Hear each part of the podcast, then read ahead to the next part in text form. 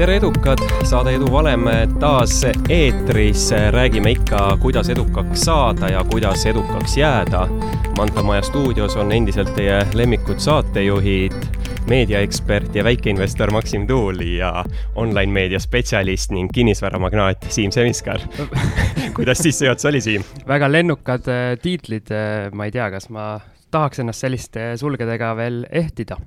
aga igal juhul meie viimastes saadetes äh, oleme pidevalt jõudnud selle juurde, et äh, väga oluline edu juures on turundus, kas äh, enda turundamine või siis ka ettevõtte turundamine ja seetõttu ongi meil täna stuudios Sixfoldi turundusjuht Armin Tüll, tere Armin! tere hommikust! no kas minu sissejuhatus oli esiteks õige ja teiseks, kuidas sa ise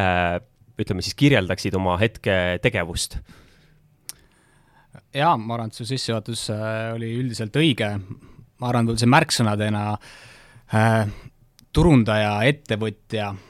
mm, isa, abikaasa võib-olla on need märksõnad, mis äh, välja tooks laiemalt. aga me tavaliselt saates ikka räägime meie külalise siis eluloost sealt alates keskkoolist, et äh, saame kohe kuulajatele ära öelda, et me oleme tegelikult Arminiga koolivennad Äh, Tallinna Reaalkooli lõpetasid üks aasta pärast mind ja mis sa siis tegema hakkasid? Äh, jah, äh, peale, peale keskkooli võtsin nii-öelda vaheaasta, nagu paljud mehed, läksin Kaitseväkke, üheksa kuud sai seal oldud, elu üle järgi mõeldud, õpitud õpitud ja mõeldud, mida ja kuidas edasi. enne seda tegelikult oli juba astutud ülikooli, et TTÜ, TalTech, täna siis ähm,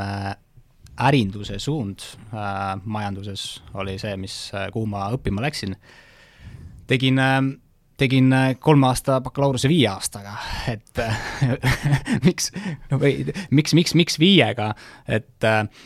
ülikoolis sai äh, tegeletud ka vabatahtlikuna tudengiorganisatsioonides ja nii-öelda tegelikult sealt sellist päris tudengielu õpitud ja päris võib-olla äh, Äh, elukogemus saadud, organiseerides erinevaid projekte, suheldes rahvusvaheliste tudengitega äh, ja nii edasi, et äh, aga jah, ärindus ja ja ettevõtlus oli see, millest ma arvasin, et mu tulevik võib, võib kasu, kasu saada ja, ja, ja sinna ma läksin. tõenäoliselt ülikoolis seda, seda päris praktikumi ja päris praktikat nii palju ei tulnud, et, et mida on ettevõtluses või nii-öelda töös rohkem vaja, aga ma arvan, et et sellised võib-olla tudengid, tudengiorganisatsioonist PES, Tehnikaülikooli õpilaste kogu, kus ma, kus ma aktiivne olin, et sealt ma sain võib-olla oma kõige suurema kogemuse, et kuidas juhtida meeskondi, tiimi, kuidas teha projekte, suhelda rahvusvaheliste tudengitega, arendada inglise keelt ja, ja, ja muud sellist. ja, ja kooli ajal võib-olla, ülikooli ajal mul üks selline põhimõte oli, et, et ma ei lähe tööle ennem, kui mul on äh, lõpetatud, noh, vähemalt siis esimene kolmeaastane tsükkel, mis läks küll pikemaks ja, ja, ja ma mõtlesin, et ma võtan siis sellest tudengielust nii palju, kui saab ja võtan kogemusi nii palju, kui saab, aga, aga sellegipoolest äh, oma viimasel siis õppeaastal äh, sõber, sõber, tänane äripartner tegi ettepaneku, et äh, kuule, et tule tööle, et mul on sulle pakkuda üks äge koht. ja, ja alustasin, äh, alustasin tööd ühes otsemüügiettevõttes telemarketingi osakonna juhatajana, et äh, läksin ähm, aitama müüa puhastussüsteeme, tolmuimejaid, õhk, õhupuhastajaid, kindlasti paljud kuulnud ja minu roll oli seal siis äh, ehitada üles äh, osakond, kes siis kodudesse inimestele helistab, et, äh, et aidata neid õpetada, kuidas siis saada kokkuleppele, kuidas täitsa tundmatu inimesega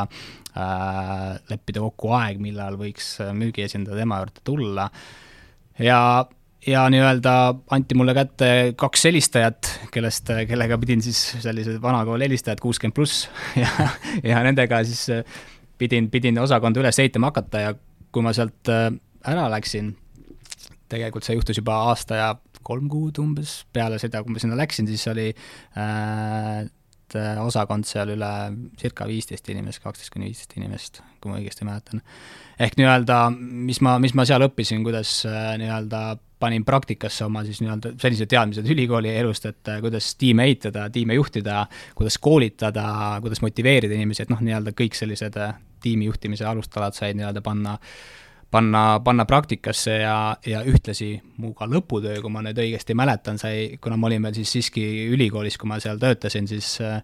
sai formu-, formuleeritud selle ümber, et mis on erinevad juhtimisstiilid siis sellises vabatahtlikus organisatsioonis, näiteks nagu tudengiorganisatsiooni erinev siis juhtimise, juhtimise stiil äh, äriorganisatsioonis, kus eesmärk on äh, kasum, et äh, sellest sai tegelikult lõputöö tehtud, et oli kasum. aga mis need erinevused olid siis, ma küsin kohe ära.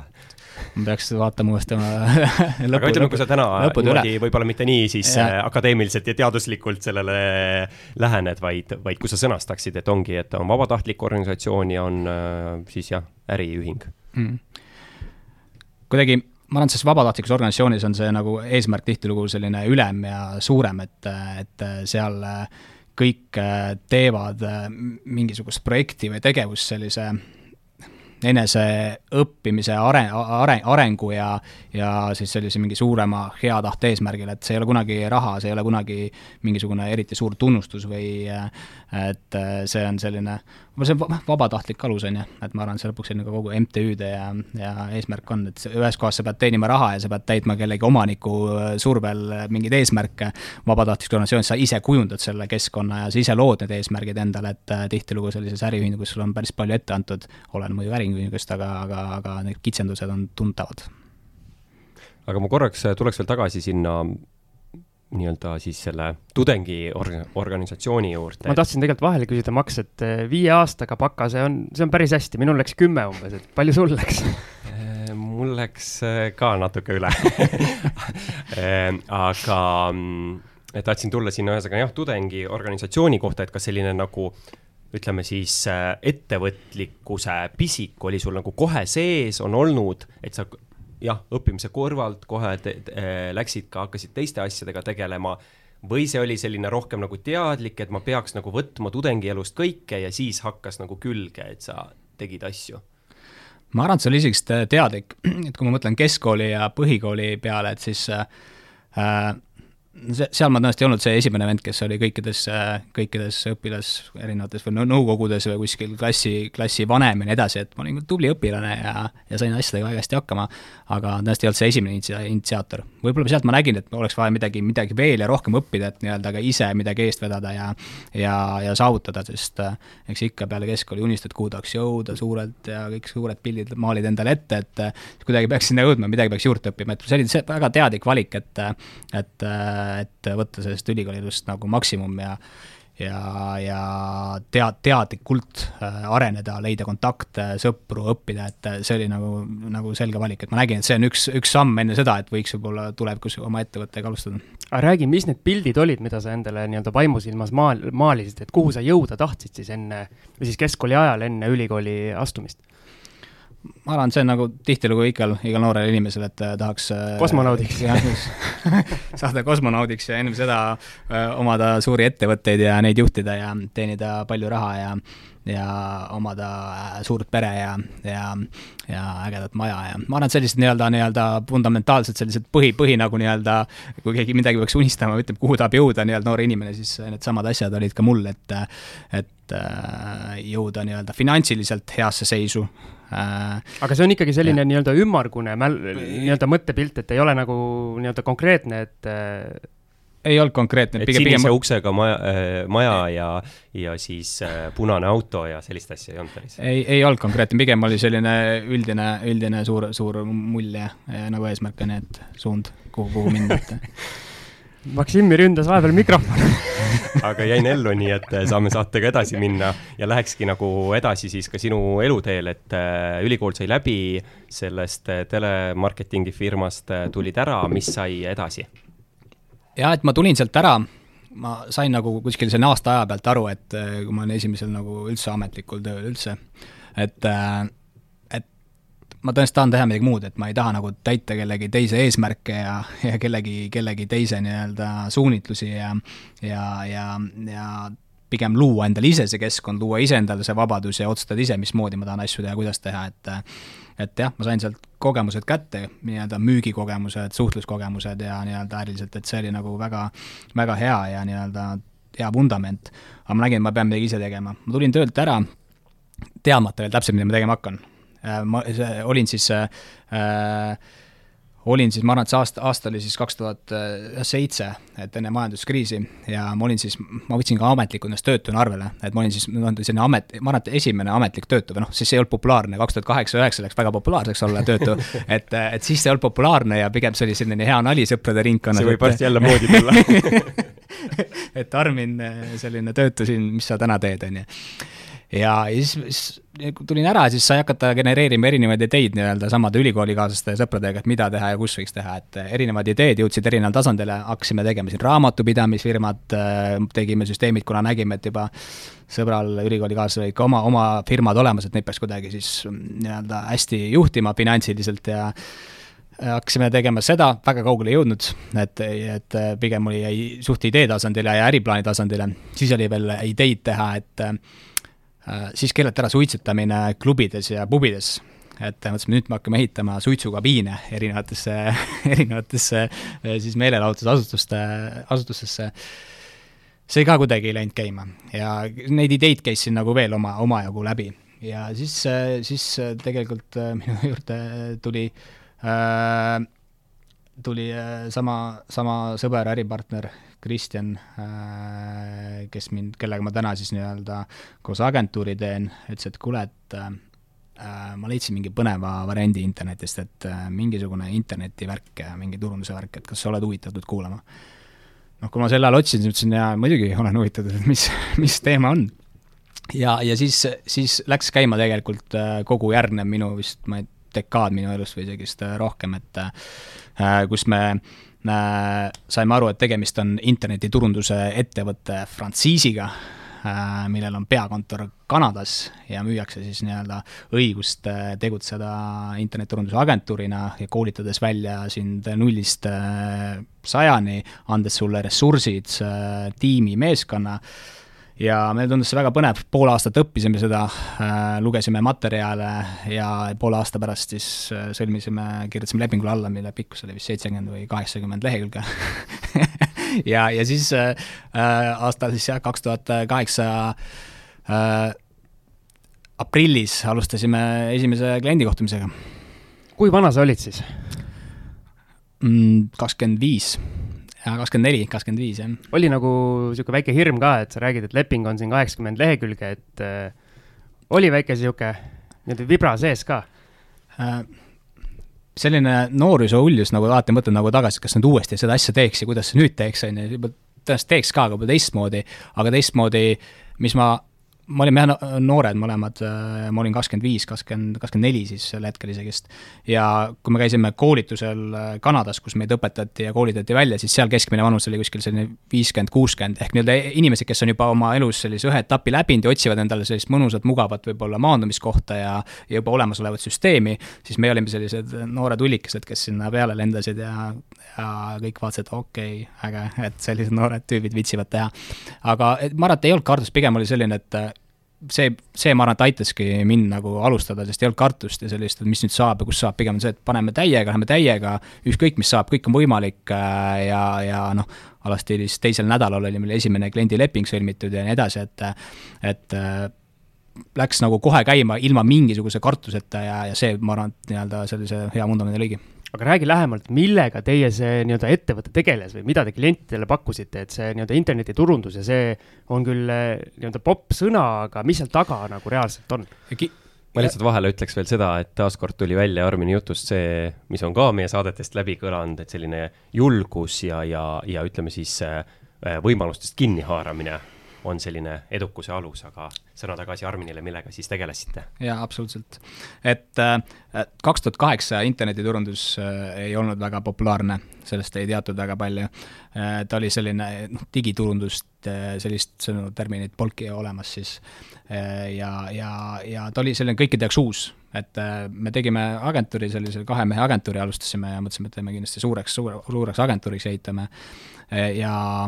ta tegeleb, tegeles tegelikult ja tegeleb ka täna samade asjadega, millega täna kogu internetiturundus, digiturundus teevad, kogu nii-öelda veebi, veebi, veebiturundus, veebide ehitamine äh,, suur, suures pildis ta ta-, noh, nii-öelda reklaamid, sotsiaalmeediad ja nii edasi, et taandub sellele, et kuidas siis äh, leida kliente, kuidas luua strateegia selleks, et äh, internetis kliente kätte saada, kuidas luua hea vundament, hea veebileht, kuidas tuua sinna liiklust, inimesi, kuidas konverteerida neid klientideks, ehk nii-öelda kogu selline ratas, millega jah, täna tegeleb siis äh, iga teine turundaja, on ju, siis ta oli selline uus, et äh, kui ma sellest äh, sõpradele, klientidele äh,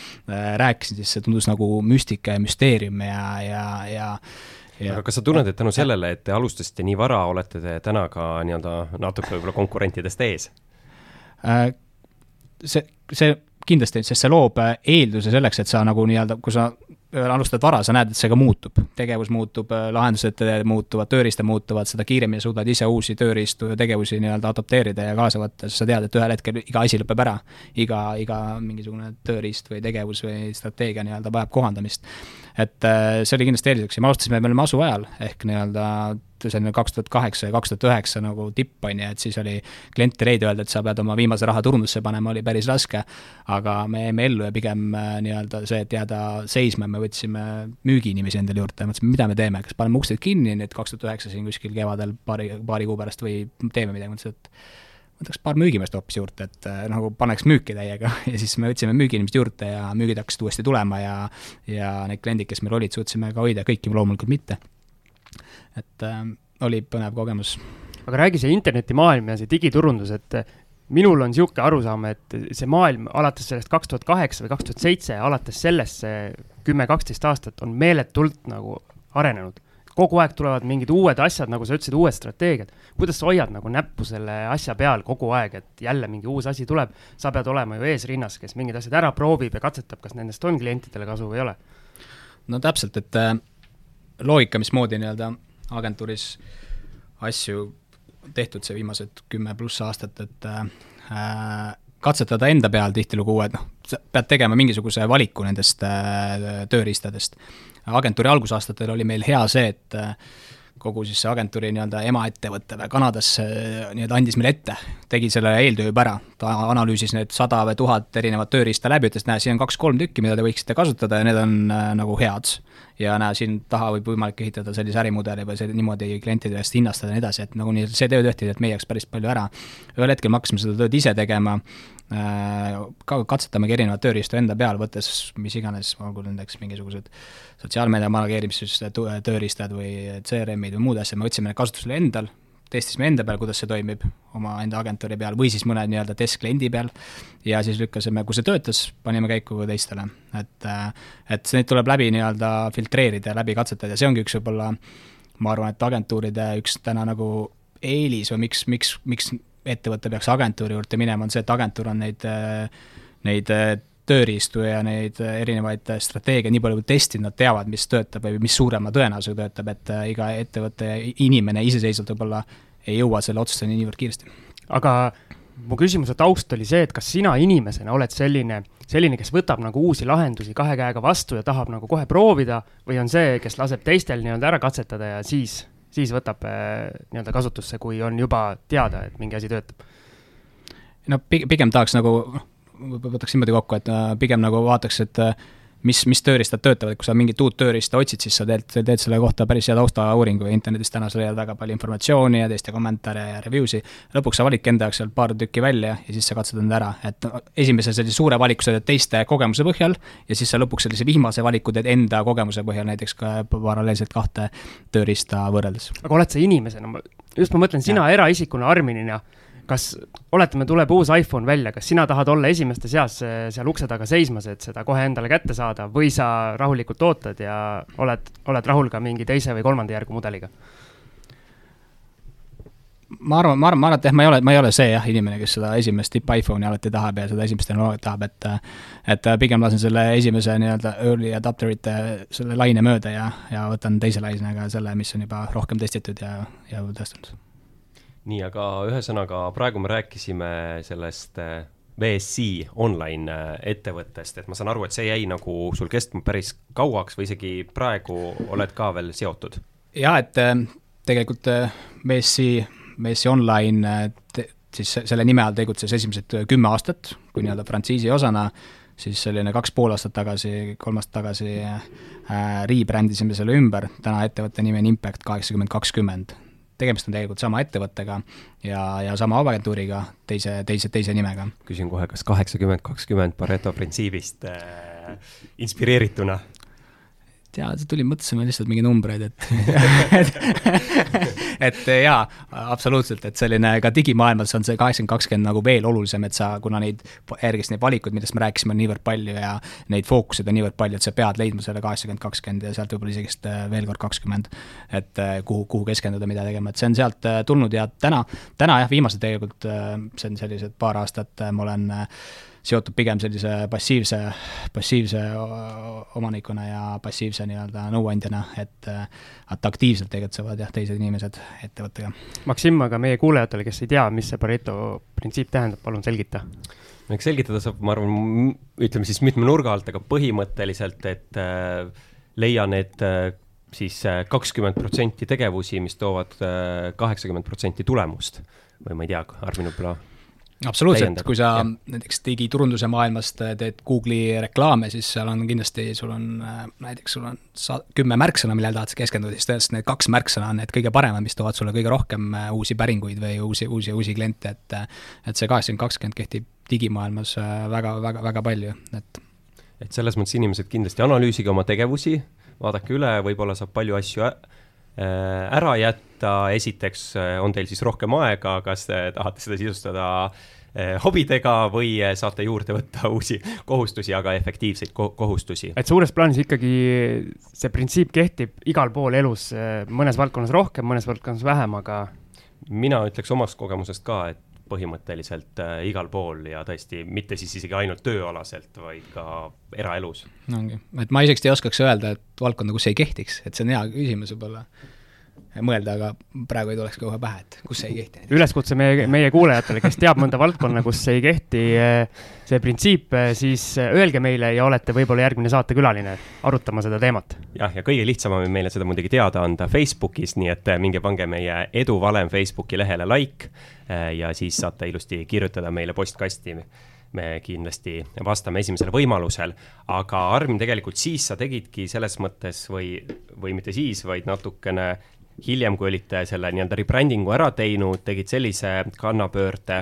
et jäid küll jah, ettevõtte passiivseks omanikuks, nagu sa ütlesid, aga tegelikult läksid palgatööle. kust selline idee ähm,? et minu, me siin lihtsalt jah. oleme saadetes palju rääkinud ja, ja näiteks Siim on sellega nagu läbi teinud, et äh, vastupidi, inimesed mõtlevad, et oh, kuidas ainult palgatöölt ära tulla ja siis äh, ikkagi noh, oma ettevõte ja, ja ise teha asju mm. -hmm minu jaoks sai nagu üks äh, ring, äh, ring täis, et äh, see oli, jah, see otsus oli kuskil selline, kui agentuur oli kümme, natukene võib-olla peale aastat tegutsenud, siis ja kui agentuur on selline väike, või noh, agentuur on siiski, on, oli sel hetkel ka võib-olla kümme, kümme pluss inimest, on ju. Et siiski väike ettevõte, siis ühel hetkel tunned ja ma tundsin, et ma olen sinna ettevõttes teinud, teinud kõik ära kõik, mis on nii-öelda võimalik sinna anda või on kõik, mis on võimalik nagu saada, ma olen kõik teinud ja mitte ainult ühe korra, vaid mitu korda. alates sellest, et ma ei tea, klientidega suhelnud, projekte juhtinud, müünud, inimesi juhtinud, finantse teinud, uusi ärisuundi leidnud, neid rakendanud, õnnestunud, mitte õnnestunud ja nii edasi, et need kõik olid tehtud nagu niivõrd mitu korda, et ma tundsin, et et mul ei ole võib-olla enam nii palju anda sellesse agentuuri ja teistpidi ka enam nii palju saada, et, et ja, ja, ja ma otsisin endale nii-öelda uusi, uusi siis väljakutseid ja eelkõige see, et agentuuri töö on selline, kus sa jagad ennast kümnete erinevate ettevõtetega, sa paned oma kogemusi, teadmisi, strateegiat, mõtteid, energiat kümnetesse erinevatesse ettevõtetesse, kuidas nemad peaks tegema, mida nemad peaks tegema, suhtled, mis omamoodi on kõik selline natukene pinnapealne, on ju, sa, kui sa pead oma aega jagama, kui sul on siiski nagu ma ei tea, kümme, kakskümmend sellist fookusklienti, kellele sa näiteks keskendud, siis sa panedki kümme, kakskümmend protsenti oma ajast igaühele, on ju, või mitte kümme, kakskümmend protsenti, vaata kümnendik, on ju, kahekümnendik. ja ma tahtsin panna selle kogemuse ja teadmise, mis mul on, ühte kohta, ühte ettevõttesse. Ja, ja, ja, ja siis nagu elus, minu elus tihtilugu asjad nagu juhtuvad ise, eriti kui sa nagu oled aktiivne või sa midagi teed, siis asjad juhtuvad ja siis tulevad mingi õiged pakkumised, õiged inimesed tulevad su juurde. Ja siis tuligi tegelikult äh, Sixfold äh, tuli minu juurde, leidis mind, ma leidsin alguses X-Foldi veel ka ise korraks ja siis tundus, et võib-olla ei ole nagu noh, vaatasin, et noh, huvitav, aga mitte võib-olla liiga, aga siis leiti mind ja, ja nii-öelda tuldi ja räägiti võimalused ja siis ma sain aru, et oh, see on midagi, kus ma olen nõus oma aega panema ja see on midagi, kus ma tõenäoliselt õpin ka midagi uut, mida ma täna ei tea. aga räägi lühidalt lahti, et millega Sixfold tegeleb ja millega sina seal tegeled? jah Sixfold on nii-öelda tehnoloogia startup uh, transpordivaldkonnas ja tegeleb äh, reaalajas info äh, saatmisega siis erinevatele kaubasaatjate, äh, erinevatele nii-öelda tarneahela osapooltele. lihtne näide näiteks Coca-Cola saadab päevas sadade viisi kaupa erinevatesse riikidesse, erinevatesse ladudesse ja poodidesse ja ta, tema, tema jaoks teeb tööd kümned erinevad nii-öelda veofirmad, DHL-id, Schenkerid, DSV-d ja nii edasi. Äh, need kõik veofirmad kasutavad erinevaid tehnoloogiaid selleks, et äh, jälgida, kus kohas nende äh, rekka antud ajamomendil asub, ehk erinevad GPS-süsteeme lihtsalt öeldes ja mis siis juhtub, on see, et Coca-Colal puudub tegelikult ülevaade, et kus ta kaup on täpselt, millal see kaup kohale jõuab, kas ta jõuab kohale, kas on mingid probleemid ja nii edasi. et tarneahelal iga, iga selline hilinenud äh, minut või tund on ülimalt kriitiline ja, ja tekivad suured kulud. mida Sixfold teeb, on siis ühendab ära need nii-öelda veofirmade GPS-seadmed äh,, siis kaubasaatjate, näiteks Coca-Cola äh, kauba siis planeerimistarkvaradega, kus mingi kaup mis kellal läheb ja siis viib selle kogu äh, nähtavuse ja siis äh, läbipaistvuse siis samale näiteks Coca-Colale, ütleb, et näe, siin on nüüd, me ühendasime kõiksugu need firmad, kaubafirmad ära, siin on need rekkad, siin on need sõidud ja näe, mis need, neid ei huvita näha kõiki sadu sõitu korraga, neid huvitab näha, kus on probleem. Et näe, siin kolmel protsendil nendest vedudest on probleem, nad ei jõua õigel ajal kohale, sa peaksid midagi sellega tegelema. ja nii-öelda proaktiivselt tegelikult mitte nendele öeldes, et siin on probleem, et juba andes teada nende klientidele, et see kaup ei jõua õigel ajal kohale, palun planeerige oma ladudes mingisugused süsteemid ümber, võtke teine rekk oma lattu vahele ja nii-öelda selle läbi parandada äh, siis nii-öelda ladude efektiivsust, parandada klienditeenindust, kliendid ei pea helistama, küsima, kus mu kaup on, selleks läbima mitmeid äh, etappe, ehk nii-öelda läbipaistvus ja efektiivsus siis tarneahelas on see, millega me tegeleme. hullumeelne, kui keeruliseks ikka maailm tegelikult on läinud, et äh, kuulad ja imestad, et äh, see on nagu veidi selline sibula koorimine, et järjest tuleb mingeid uusi kihte, millest äh, aimugi ei ole, vaata, ja mingid süsteemid ehitatakse ikka nii täiuslikuks ja tundub, et ikkagi tööd ja leiba erinevates valdkondades on kõigil. Aga sa ikkagi seal tegeled ka siis ja, mingi turunduse ja, ja minu, minu, minu, mina olen seal Sixfoldi turundusjuht, minu ülesanne on äh, teha see, et Sixfoldi bränd oleks teatud-tuntud meie sihtgrupi seas, eelkõige siis need kaubasaatjad, kutsume neid shipperiteks, kes siis kaupa saadavad, sama, samamoodi nii-öelda usaldusväärne partner kaubavedajatele, siis nende veofirmadele. Ja minu ülesanne jah, siis kogu selline turundus, alates sellisest PR-ist, teadlikkuse tõstmisest, lõpetades tooteturundusega äh, ja jah, selle sisuturundusega aga mm, enne, kui me lõpetame esimese saate osa, eh, ma küsiksin, et millega sa ikkagi veel tegeled, et vaatasin siin registrist üle, et eh, ettevõtteid, mida oled juhtinud, on seitse, hetkel kuus ja aktiivsed neist kolm. et selgita palun neid numbreid sealt tõenäoliselt nime, nimekirjas mitmed on äh, Impacti VSC sellised spin-off'id, mida nii-öelda oleme siin ajas proovinud ja teinud, et äh, arendada välja äh, agentuuris sellised nišikad, kes keskenduvad võib-olla mingi ühele valdkonnale, et üks meil suund oli sellised makstud meedia ja nii-öelda reklaami, reklaamiagentuuri nišš ja seal on paar teist veel, et äh, päeva lõpuks me saime aru, et äh, parem on konsolideerida kõik ühte ettevõttesse ja teha ühe brändi alt ja see õnnestumistõenäosus on suurem. ja täiesti ülejäänud seal paar on sellised väiksemad holding firmad aga teemegi nüüd lühikese pausi, siis välkküsimused ja seejärel jätkame juba aja planeerimisest rääkimisega ja jätkame oma saadet Manta majas ning Armin, nüüd ootab sind välkküsimuste voor. Siimul on ette valmistatud äh, tosin äh, maailma kõige keerukamat küsimust äh, ja nüüd siis saame teada, kas on sinu teadmised tasemel või mitte, üks on selgelt õige, teine vale vastus, aga et ülesanne veel raskem oleks, siis tuleb vastata momentaalselt ja mingit mõtlemisaega me ei anna. oled valmis? ma annan endast parima. tulista siin. nii, hakkame pihta. kas kilo banaane või rabarberikook? banaane Õhtuleht või Postimees? Postimees. kollased juuksed või rohekas kleidike? rohekas kleidike. verivorst või sült? sült. Lady Gaga või Lenna Kuurmaa? Lenna Kuurma. jooksmine või pallimängud? jooksmine. blondid või brünetid? blondid. Mart Helme või Martin Helme? Martin. rong või buss? rong. Arnold Schwarzenegger või Sylvester Stallone? Stallone. Eesti maasikad või Poola maasikad? Eesti. Facebook või Instagram? Facebook. Armil läks väga hästi Äh, tõesti läks väga hästi ja ma haaraks äh, kahest küsimusest kohe kinni, üllatas muidugi vastus Facebook, mis on loomulikult vanade inimeste sotsiaalmeedia platvorm meiesuguste aga noh, sina innovaatilise inimesena võiksid ju eelistada Instagrami, miks Facebook? Ma arvan, et see ongi vanade inimeste platvorm, et ma, ma ise, ise jah, kasutan võib-olla nii-öelda uudis, uudise lugemisena Facebooki rohkem, seal on äh, nii-öelda rohkem kontakte, rohkem inimesi, rohkem feed'e, Instagrami ma olen hoidnud, proovinud hoida rohkem sellise personaalsemana ja, ja nii-öelda postitan suhteliselt harva sinna midagi, kui kui siis personaalselt, et äh, Facebookis kuidagi saan võib-olla selle uudisevajadusega kõige rohkem mõtte aga siis ma tuleks veel äh, nii-öelda spordiküsimuse juurde, et ma väga pettusin, et äh, oli variant jooksmine või pallimängud, ma arvan, see oli Siimul teadlikult sisse pandud, sest me teame, et äh, et tegelikult me oleme kõik koos, ma arvan, kunagi isegi korvpalli mänginud ja, ja ma tean, et sa oled ka jalgpalli mänginud ja tennises täitsa tugev käsi, et ma peaksin proovile panema. aga valid hoopis jooksmise, et kuidas nii nüüd, et kas vanemas eas siis on vaja ikkagi mõtted mujale saada jooksuradadel um,? Jaa, need, need on mõlemad nagu ägedad asjad, nagu sa nimetasid, ma olen neid kõiki teinud ja mingil määral teen ka neid kõiki. et äh, tähendab, selle vastuse,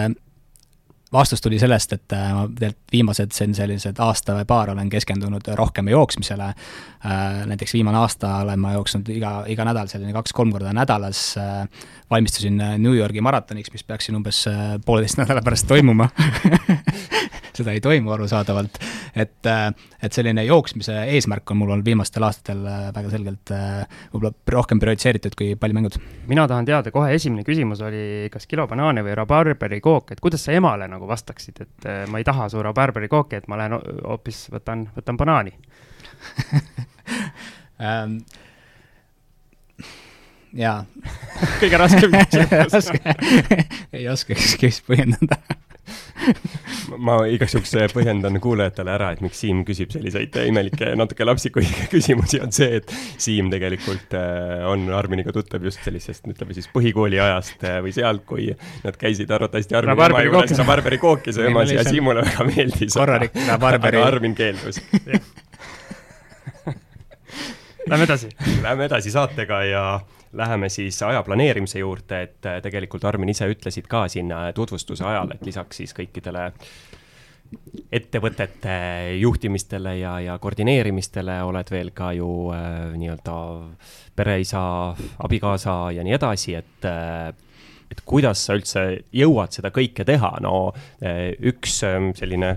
võtmekoht on kindlasti see, nagu sa ütlesid, et mõnes ettevõttes oled passiivne omanik. aga eh, kui palju sa planeerid üldse aega ja, ja kuidas see sul ikkagi õnnestub? Äh, jaa, et ma planeerin aega ja tõenäoliselt ka erinevatel nii-öelda äh, tasemetel võib-olla viimastel aastatel või isegi mitmetel aastatel on see nagu planeerimine lihtsamaks läinud, et kui nii-öelda ettevõtluse algusaastatel läks kogu rõhk nii-öelda ettevõtlusesse, siis, siis peredelt väga ei olnudki, on ju. et äh, kui pere on, pere, pere, pere on kasvanud ja täna on mul kolm kolm äh, last, et kellega on omajagu tegemist, et äh, siis kuidagi see aeg on laot-, jaotunud äh, loogiliselt, et ei ole see, et ma teen, noh, ma olen nagu enda jaoks selgeks mõelnud, et kui ma teen tööd, siis ma teen tööd ja kui ma olen nii-öelda perega, siis ma olen perega, ma teen sporti, et nii-öelda väga, väga selgelt nii-öelda fookused ja ja hommikuti on selline võib-olla pereaeg enne, noh, see, see on pereaeg võib-olla jah, selline ilusti öeldud, aga selline päevaks ettevalmistumine ja kõik, kõik valmis seadmine, on ju, siis,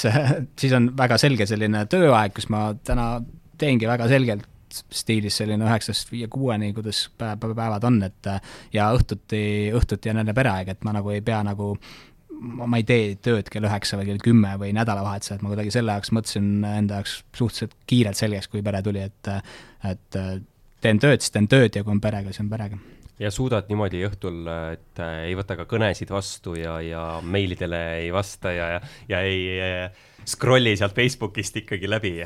Ei, meile ma ei vasta, et äh, meile ma ei vasta, kui mingisugune personaalne Slacki sõnum tuleb tähtsalt inimeselt, siis ma võib-olla vastan. Ja, ja ja jah, arvutit niisama tegelikult lahti ei tee, et äh, suudan, suudan seda teha ja see on väga hea, soovitan teistele ka. ja siis see loob lõpuks äh, nii-öelda, et, et ka piirid teist, loomulikult kui tuleb mingi tähtis kõne kell seitse kuskilt teisest ajatsoonist äh,, olgu selleks USA näiteks, on ju, või või isegi Inglismaalt, siis jah, ma teen selle kõne ära ja hea meelega teen, et see on okei okay.. aga, aga see ei ole selline igapäevane standard. aga lähme korra tagasi sinna ettevõtte alustamise aega, kas siis oleks seesama asi võimalik, et äh, kell kuus viskad pastaka nurka ja siis ei ole, ma mäletan, kui ma selle muutuse tegin, on ju, noh, see oli ka juba võib-olla selline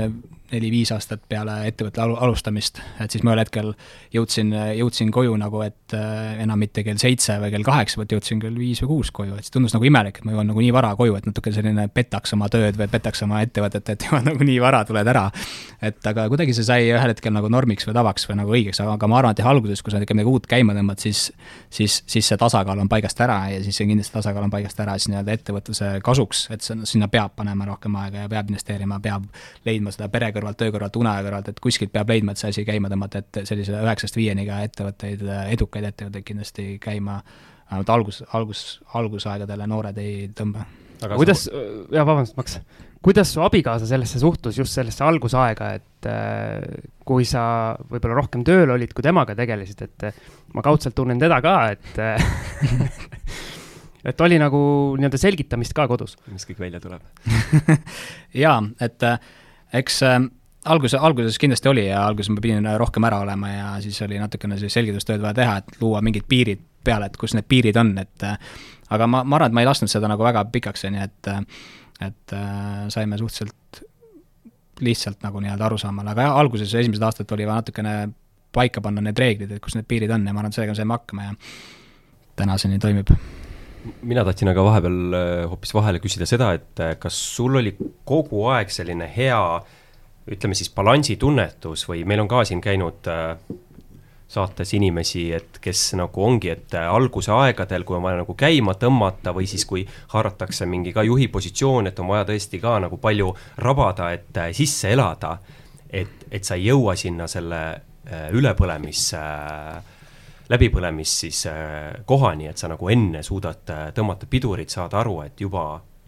on nagu noh kas sulle piisavalt või siis on piisavalt hästi käima tõmmatud, et nüüd võibki rahulikumalt võtta mm? -hmm. no eks see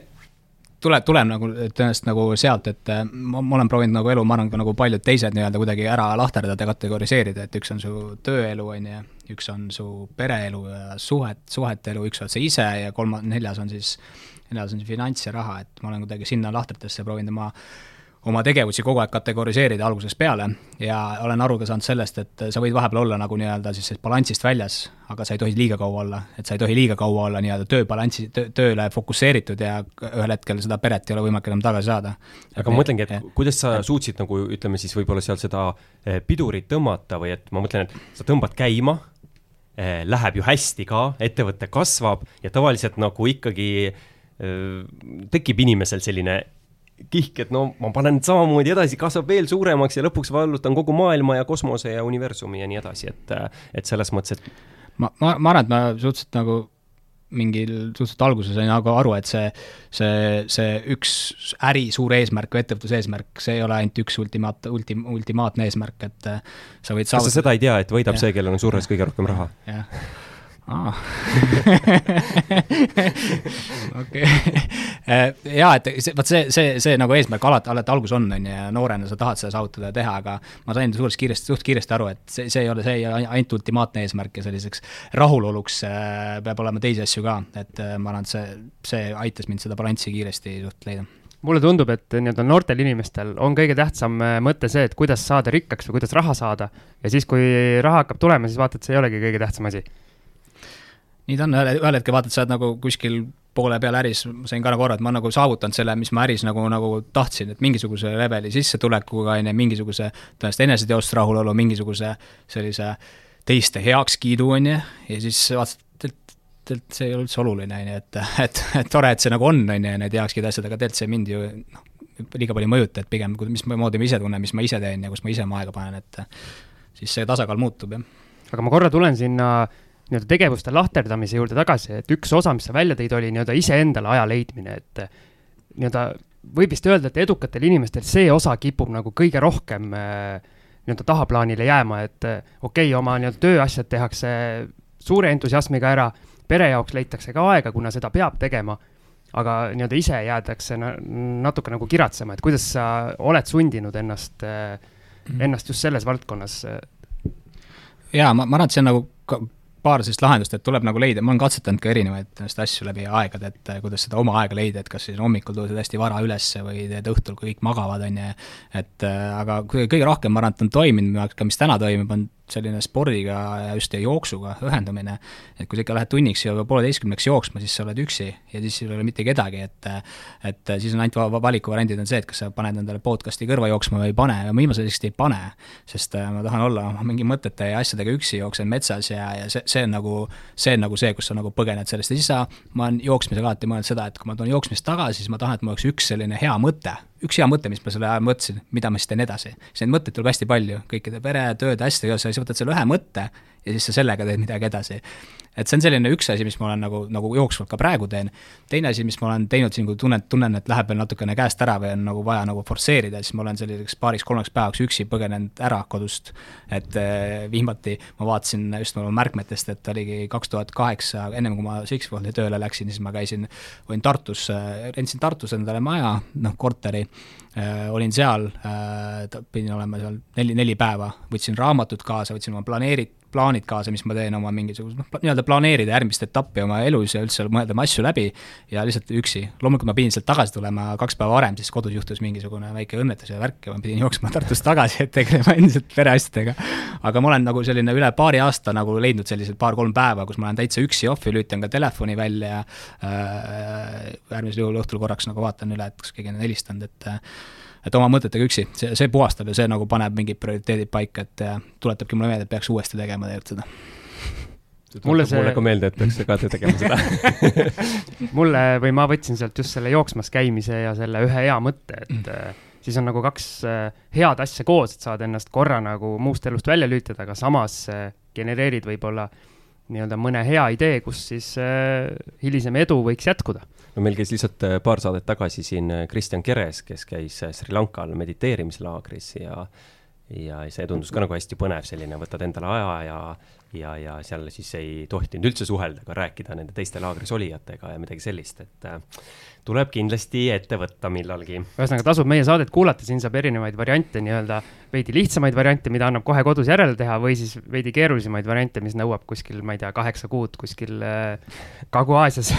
no kaheksa kuud ei nõua, laagris oli kümme päeva ja eks neid on erinevaid. aga ma arvan, et äh, me järgmisena võiks natukene veel minna eesmärkide juurde, kuid äh, enne teeme lühikese pausi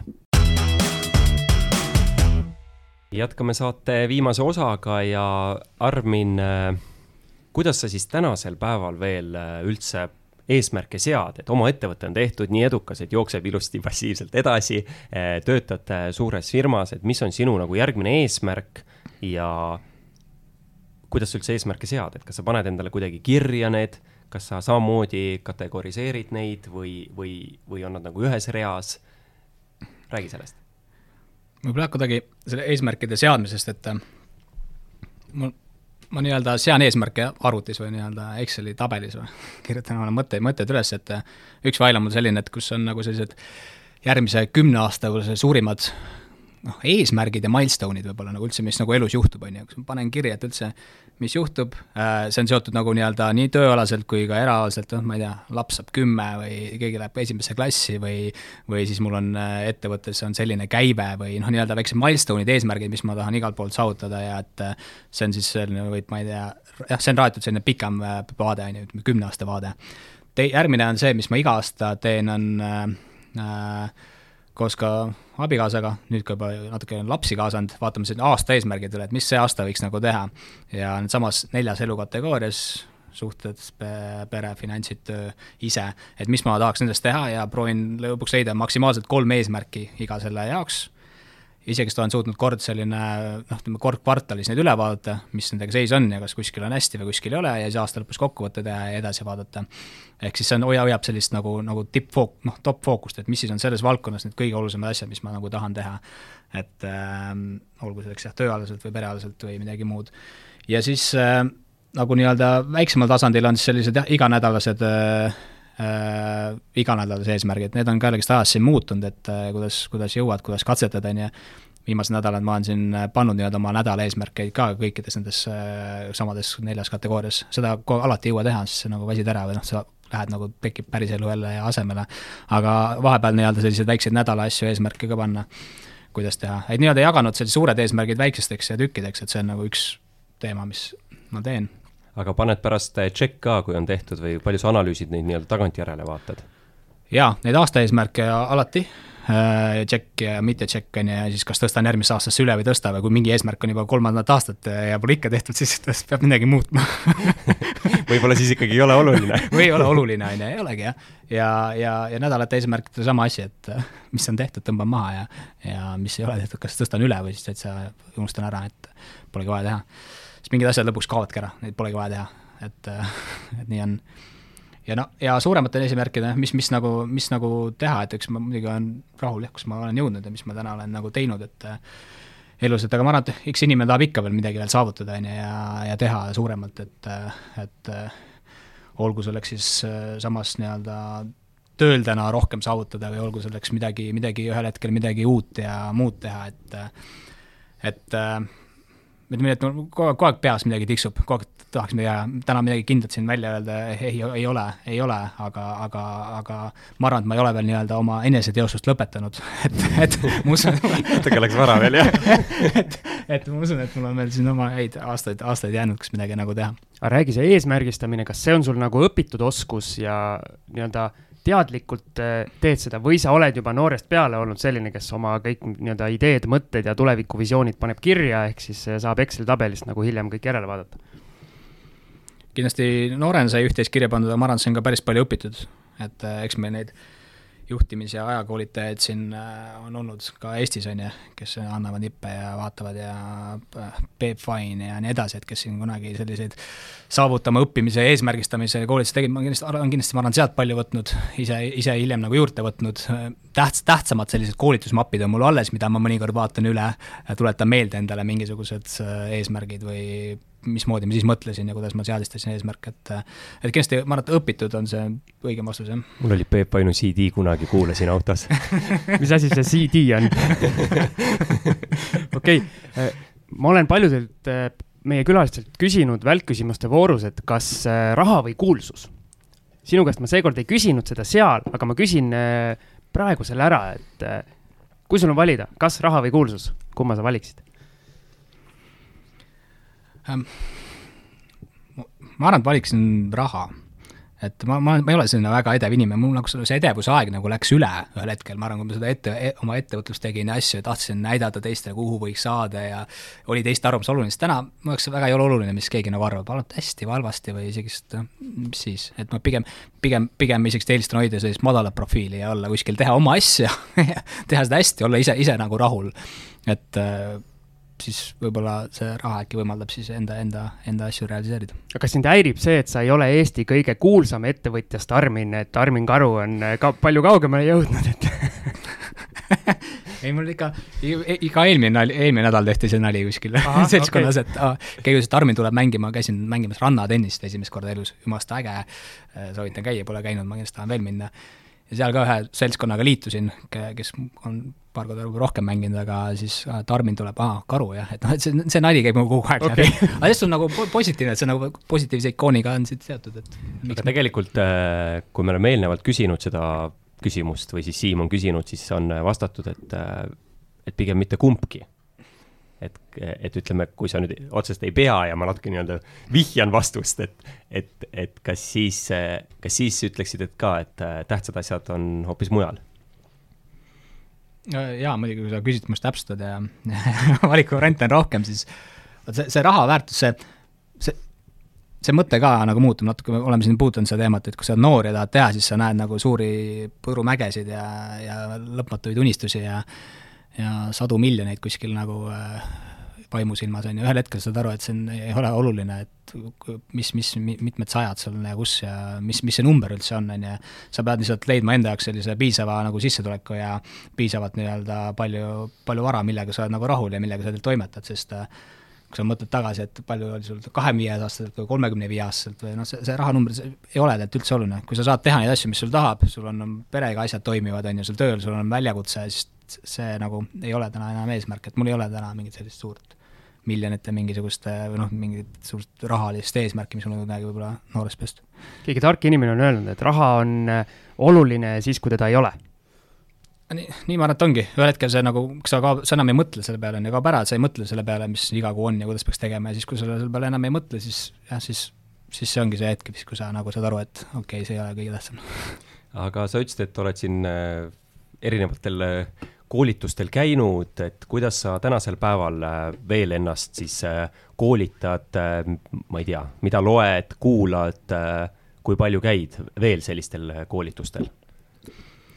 jah, see on see, et ma ühel hetkel nagu avastasin ka, et noh, ma arvasin, et ma tean nii palju, palju, ma nagu nii-öelda ei, liiga palju teadlikult enesearengusse rohkem ei pannud siin mis iganes mingi ettevõtlusaegade keskel aga siis ma nägin, et kui ma, kui ma uusi asju ei adapteeri endale, ei õpi ja ei taha teada, siis sa, siis sa ikka nagu jääd seisma ja hakkad ühel hetkel nagu taandarenema.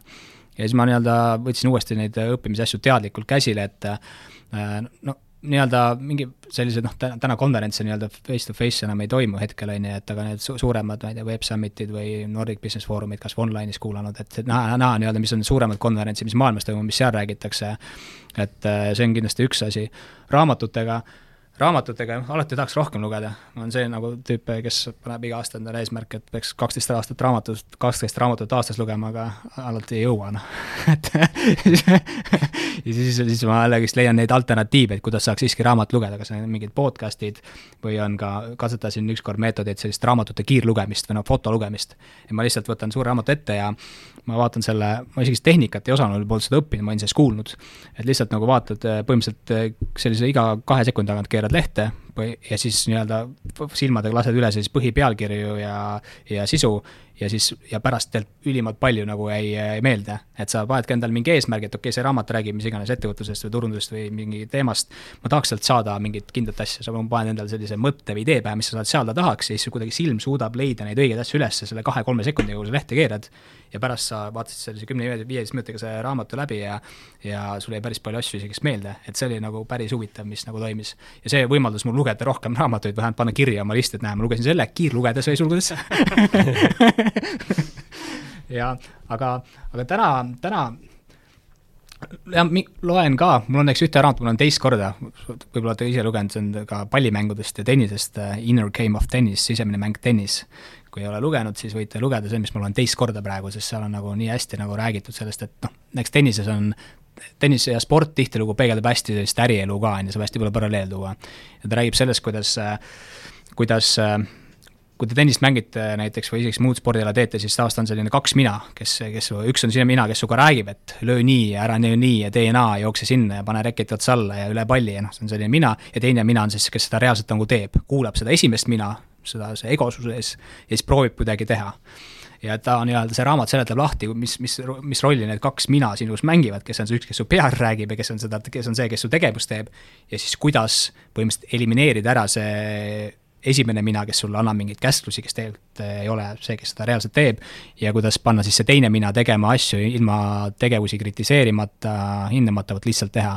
alastiilis, näiteks miks lapsed õpivad hästi tennist, tennist mängima kiiresti, siis nad ei mõtle sellele, kuidas reketit hoida, kuidas peaks keha asend olema, nad lihtsalt löövad, no vaata, mismoodi treener eest teeb, mis sõber mood, nad teevad järgi. et ka päriselus äh, neid nii-öelda juhendusi, juhendeid tuleb sinult endalt ja teistelt niivõrd palju peale, lõpuks sa ei suudagi sellist head sooritust teha, sa mõtled liiga palju detailidele, et mõnikord tuleb lihtsalt teha ja vaadata, kuidas läheb, ja kui sa näed, kuidas lähed, siis siis sealt tuleb võib-olla mingi tegevus, okei okay,, seekord lõin sinna, läks niimoodi, okei okay., aga ma lööksin natuke teistmoodi, mis siis juhtub, aa, siis juhtus nii. sa ütled, see on hea valb, siis sa jälgid ja kohandad. ma arvan, et see ka äris on natukene selline sama, sama tegevus, kui sa midagi teed, siis sa vaatad, et okei okay,, ma tegin seekord niimoodi, tulemus on selline, fine, see, see ei ole halb ega hea, aga kui ma teeksin teistmoodi, vaatame, mis siis toimub, okei okay,, siis tuli selline, et sa nii-öelda lähed nagu oma, ma ei tea, go with the flow, noh mul tennist mängides see sisemine mina on selline Roger Federer ja siis see, kes järele teeb see saab vaevu, vaevu saab pallile pihta ja sealt, sealt tekivadki need konfliktid, on ju, ja siis, siis on selline nutad ja naerad läbisegi alati tennisega. rohkem nutad. armastad ja vihkad ei no tennist me ikka kõik armastame, aga ma arvan, et äh, me tasapisi peame hakkama otsi kokku tõmbama, ehk siis äh, üks traditsiooniline küsimus siia lõppu, mis on edu valem, et saade on meil edu valem, edukusest räägib, mis on need, ma ei tea, kas siis iseloomu omadused, mis peaksid olema või, või, või need tegevused või kas sul on edukuse kohta oma mingi filosoofia? tõenäoliselt nagu jah, edu, et mis see nagu edu on, tuleks ennem defineerida ära, et tihtilugu seda võib-olla vaadatakse sellist nagu välist edu et sellest ma olen nagu, nagu lahti lasknud, et see nagu väline edu, mis keegi arvab ja kus ma olen, et see, see nagu ei ole see, mille järgi ma peaks iseenda edu hindama, on ju. et tõesti edu, minu jaoks endaks on rahulolu sellega, mis ma olen nagu ise ennem teinud, saavutanud, rahulolu sellega, mis ma täna teen, ja, ja, ja, ja et mul on, mul on ka nii-öelda tulevikuks mingisugused suunad ja eesmärgid ja nii-öelda sellised väljakutsed, mida ma tahan saavutada, et ma ei seisa kuskil paigal ja, ja, ja kui sa selle kõigega oled äh, rahul, siis ma arvan, et see ongi nagu nii-öelda edu, vähemalt minu enda jaoks. kuidas, kuidas seda nagu saavutada, mida teha? ma arvan, et see on äh, jah, sa pead, pead, ma arvan, et tõenäoliselt päris paljud mõtlevad nii, et sa pead tegema midagi, mis sulle päriselt nagu meeldib, on ju, sa pead olema kuskil ühes asjas hea, on ju. ma arvan, et ka minu selline edu tekkis see, et ma olin kuskil nagu hea, ma tegin, ma sain turunduses heaks ja ma suutsin seda, seda oskust arendada ja siiamaani arendan. ja selle läbi tegelikult on tekkinud mingi muid võimalusi, et kui sa oled milleski hea, siis sa suudad pakkuda väärtust oma klientidele, oma, oma partneritele ja, ja sealt tekivad ka muud võimalused, et sa pead olema hea, sa pead tegema, mis meeldib, sa pead olema hea ja siis, siis sealt tekivad muud võimalused, et minu jaoks kuidagi läbi nende asjade, kui sa teed kahte asja, mis sulle meeldib ja milles sa oled hea, siis võimalused tekivad. et tihtilugu niimoodi, niimoodi nagu on. aga me siin veidi rahast rääkisime, ma ikka küsiks selle küsimuse ka ära, et äh, oled sa nii-öelda investeerimismaastikul ka tegutsev, et äh, selles plaanis vaadanud, tegutsenud äh...? mida muud rahajutud.ee peatoimetaja ikka küsiks ei, absoluutselt, et äh, loomulikult ühel hetkel nii-öelda teenid, teenid, teenid mingit raha, raha jääb üle, siis seda kuskile tuleb panna, on ju, seisma ei, pole mõtet jätta, et äh, kui raha jääb üle, siis see on päris hea ja,. jah, jah, ja siis, siis sa saadki investeerida et, et äh, jaa, et ma, ma, ma arvan, et ma tegutsen täna noh, vaikselt, vaikselt natukene igast, igat valdkonda proovin, et natukene kinnisvara äh,, üürikorteri näol äh,, väärtpabereid ikka nii-öelda rohkem selliseid äh, jah, täna Balti aktsiaid. Ja, ja laenud, ka laenud on see, mis on nii-öelda otselaenud või siis läbi mingite keskkondade pigem isegi otse, otselaenud kuskil kinnisvaratagatisel üle, ülejäänud võib-olla sektorid on sellised väiksemad, ma ka olen proovinud jah, iduettevõtetesse panna nii-öelda läbi platvormide ja ja, nipet-näpet maavara, et kuskilt oleks midagi olemas ja tagaks, et et aga võib-olla nagu selline võib-olla suund rohkem, kus nagu minna, ma arvan, selline kinnisvara, mis mulle nagu meeldib, kus, kus ma tõesti vaatan ka tulevikus rohkem edasi on jah, äri, ärid ka, on ju, ärid on ka investeering, on ju, et võib-olla tihtilugu see kõige suurem investeering ja mis aitab sul tegelikult neid teisi investeeringuid tegelikult teha, et kui sul äri töötab ja ja midagi toodab, siis läbi selle sa tegelikult saad siis seda raha panna mujale, kui sa ei näe, et su ärid suudaks täna rohkemat tootlust teha, on ju, kui, kui see mingi muu keskkond, või lihtsalt hajutada oma riske. aga aitäh, Armin, tulemast ja oma mõtteid jagamast! aitäh teile! Ja kuulajad ikka minge ja liituge meie Facebooki lehega Edu Valem, pange like ja siis äh, on näha ikkagi, et äh, kuulajate arv, mis meil siin äh, ligi paari tuhande juures on, muutub ka Facebookis jälgijate arvuks. nii et ärge unustage meid ja paari nädala pärast juba uus osa. ja mina tahaksin täna Maksimi eraldi kohe kiita, kuna ettevalmistus oli saatele nii vägev. kas seitse või kaheksa A4-ja oli eelinfot, see on ikka selles mõttes muljetavaldav, et mees ei tule mütsiga lööma saatesse nagu mina. Just, aga kasutada sain sellest ainult ühte lehekülge, nii et ja Armin peab kuus korda veel tulema vähemalt. Kohtumiseni. kohtumiseni